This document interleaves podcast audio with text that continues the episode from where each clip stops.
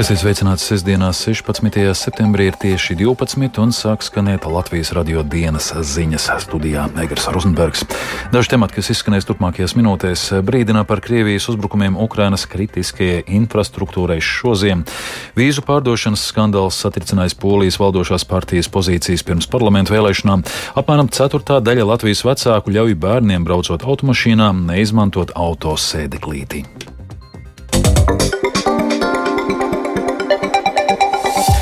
150 reizes 12. Tā ir formula, kas jāievēro vecākiem, domājot par bērnu drošību automašīnā, taču ne visi to ievēro. Kā liecina ceļu satiksmes drošības direkcijas veiktā aptauja, aptuveni viena ceturdaļa vecāku braucot automašīnā atļauj bērniem neizmantot autosēdeklīti vai palikni.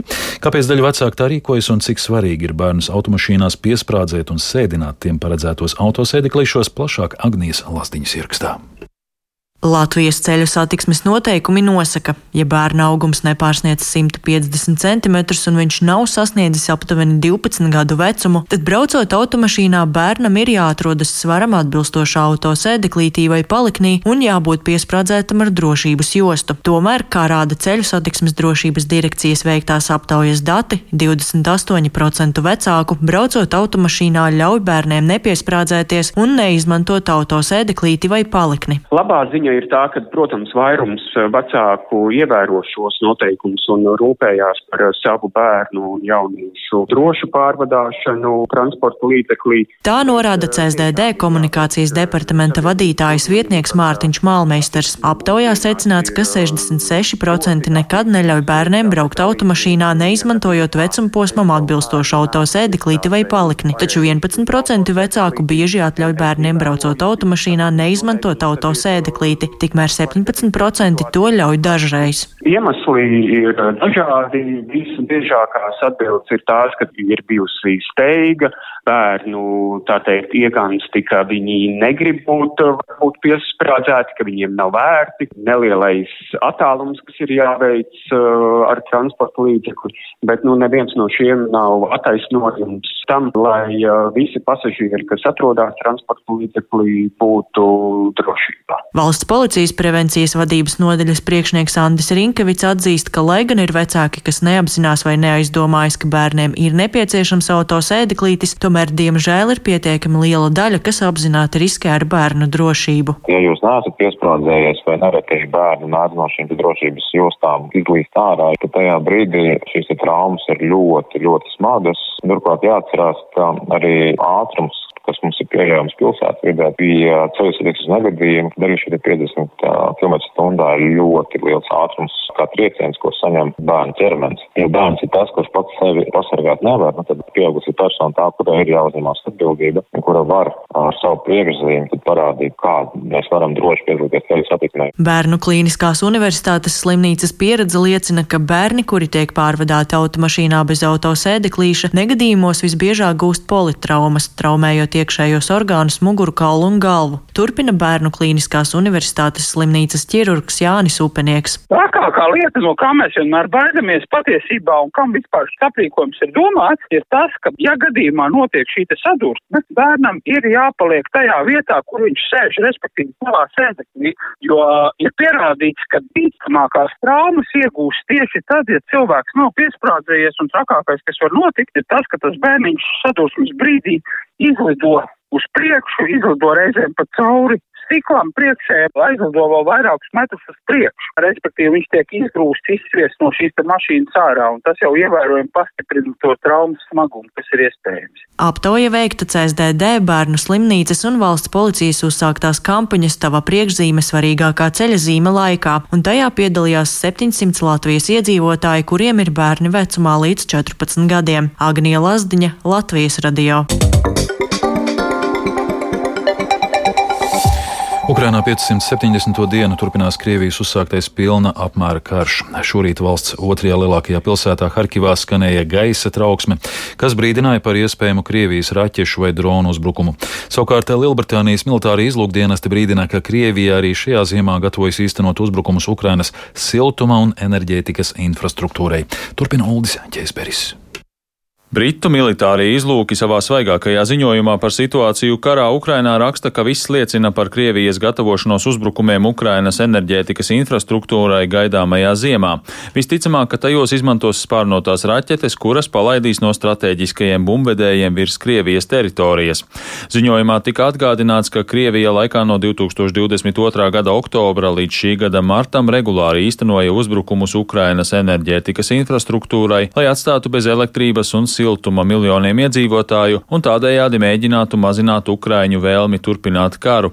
Šajos uzbrukumos pārsvarā izmantoja gaisa zeme tipa tālas darbības rādījusas pārnotās raķetes H-101. Kopš aprīļa Krievija ir samazinājusi gaisa zeme tipas pārnoto raķešu izmantošanu, bet Krievijas valdība ir likusi palielināt šādu raķešu ražošanas tempus. Tas varētu nozīmēt, ka pirms ziemas Krievijas rīcībā varētu būt pietiekami šādu raķešu krājumi, lai atkal īstenotu uzbrukumus Ukrainas kritiskajai infrastruktūrai, domā Britu izlūki. Mēnesis pirms Polijas parlamentu vēlēšanām valdošo partiju likums un taisnīgums satricinājis korupcijas skandāls. Vairākām amatpersonām izvirzītas apsūdzības saistībā ar aizdomām par Polijas vīzu pārdošanu trešo valstu pilsoņiem. Polijas opozīcija apgalvo, ka tādējādi Polijā un citās Eiropas Savienības dalībvalstīs varēja ieceļot simtiem tūkstoši imigrantu. Vairāk stāsta Uldis Čeizberis. Polijā kopš 2015. gada valda Nacionāla konservatīvā partija Likums un taisnīgums, kas aktīvi iestājas pret imigrāciju un regulāri ir nonākusi domstarpībās ar Eiropas Savienību jautājumā par to, kādai būtu jābūt patvēruma meklētāju uzņemšanas politikai blokā.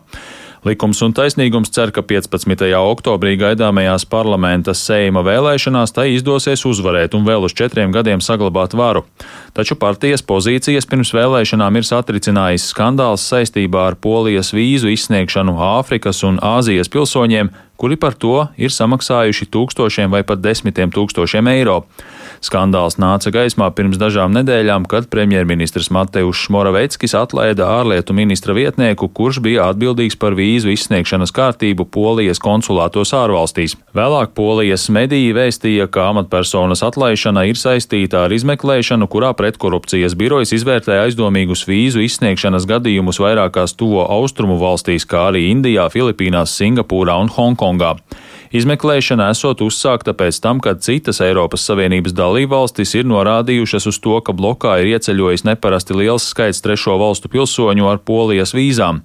Daļa no šiem cilvēkiem vēlāk ir devušies uz Meksiku, bet no turienes uz ASV. Vakar Polijas tiesību sargājošās iestādes paziņoja, ka šajā lietā apsūdzības ir izvirzītas septiņām personām, bet trijām no tām ir piemērots pirmstiesas apcietinājums. Nav zināms, cik daudz Polijas vīzu, iespējams nelikumīgi, ir izsniegtas trešo valstu pilsoņiem, taču atsevišķi mediji un opozīcijas partijas apgalvo, ka kopš 2021. gada aptuveni 250 tūkstoši Āfrikas un Āzijas valstu pilsoņu ir saņēmuši Polijas darba vīzas, samaksājot kūkuli. Lielākās opozīcijas partijas pilsoniskā platforma platforma līderis, bijušais premjers Donalds Tusks, uzskata, ka šis iespējams ir lielākais skandāls Polijā 21. gadsimtā. Nazwijmy rzecz po imieniu. Pisowski rząd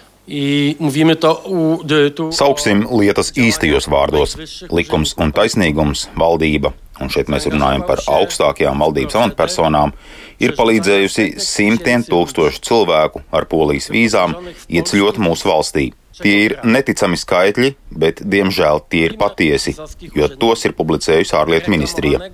30 mēnešu laikā Āfrikas un Āzijas valstīs vīzas izsniedza 250 tūkstošiem cilvēku.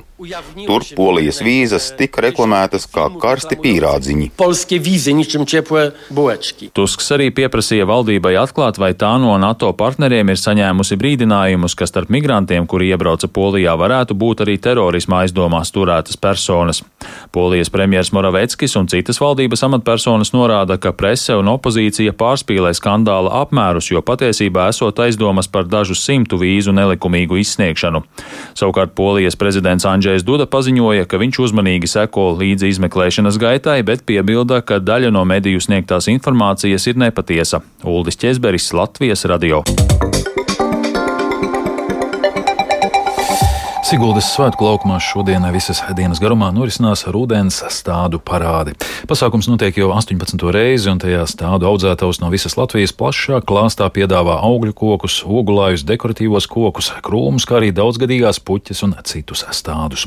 Rudens stādu parādi iecienījuši dārza mīļi un profesionāļi no Latvijas, kā arī tuvākajām kaimiņu valstīm. Par to, kā pasākumā sokas pat labāk stāsta Latvijas stādu parādes projekta vadītāja Sabīna Alta tauta mostās, ierodās Siguldā, laikapstākļi brīnišķīgi, audzētāji ir sarūpējuši milzumu daudz uh, skaistumu un uh, pat cik rudens ir tāds uh, drusku vēls, vēl tikko, tikko bija mums vasara, līdz ar to visu zied, plus, uh, ko dar atcerēties, rudens ir stādīšanas laiks, tāpat kā pavasars. Nu, protams, Latvijas amatnieki un pārtiks ražotāji kā papildinājums ar dažādiem gardumiem. Cilvēki nāk ar sarakstiem un specifiskām lietām, ko viņi grib atrast šeit, bet tā kā tas, pieņemsim, ir bijis kaut kādos krīzes periodos, kad ir izteikti, kad uh, pērk tikai, piemēram, ēdamās lietas, vai, attiecīgi, ja nav krīzes, vai vairāk vairāk dekoratīvās, tad šobrīd ir tāds vairāk vai mazāk īpašos tādu, kas vēl pietrūkst dārzā meklējuma laiks. Un vēl par sportu. Latvijas vīriešu tenisa izlase šorīt Hongkongā iesākusi Deivisa kausa pasaules otrās grupas dueli, tiekoties ar mainieci Hongkongu. Savukārt pašmāju futbola virslīgās šodien notiks cīņas starp abām vadošajām galvaspilsētas komandām FC Rīga un RFS. Par visplašāk stāsta Rēnis Grunspeņķis. Latvijas tenisa izlase pēc februārī piedzīvotā zaudējuma Izrēlai, kas bija Ernesta Gulbja atvadu mačs, atkrita uz pasaules otro grupu.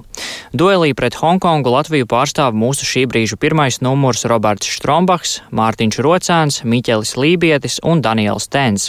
Šīs dienas pirmajā mačā Štrombachs ar 6-3, 4-6 un 6-3 pārspēja pretinieku otro numuru Honu Kītu Vonu, izvirzot Latviju vadībā. Savukārt otrā spēle starp pasaules rangā nēsošo Mārtiņu Rocēnu un Hongkongas līderi Kolmenu Vonu, kuram pasaules rangā ir 534. vieta, ir tikusi pārtraukta. Pirmajā setā Rocēns piekāpās ar 4-6.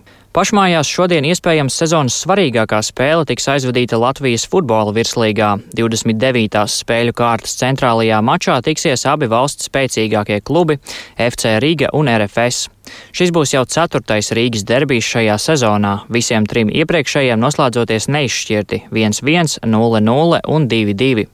Turnīra tabulas augšgalā šobrīd ir FC Riga ar 70 punktiem, bet RFS seko uzreiz ar 67 punktiem.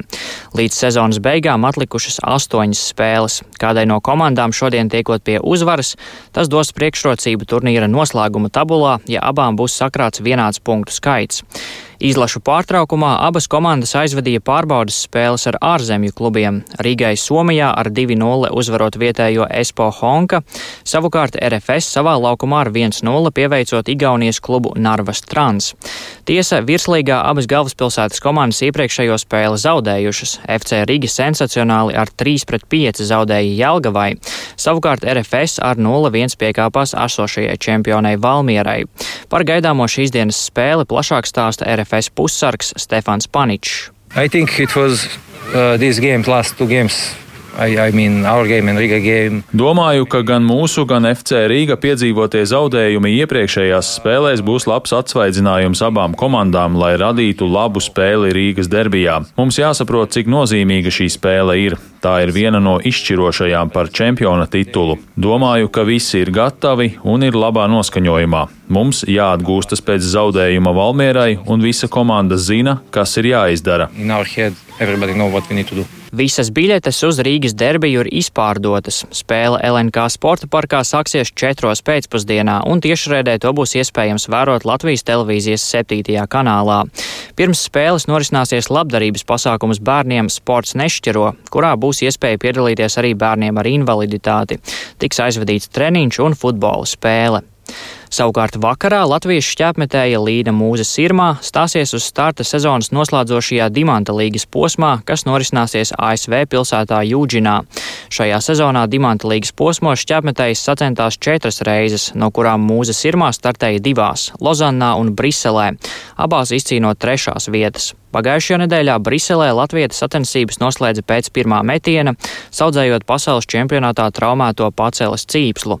Sacensības Juģinā sāksies pulksten 21. pēc Latvijas laika. Reinis Grunspēņķis, Latvijas radio.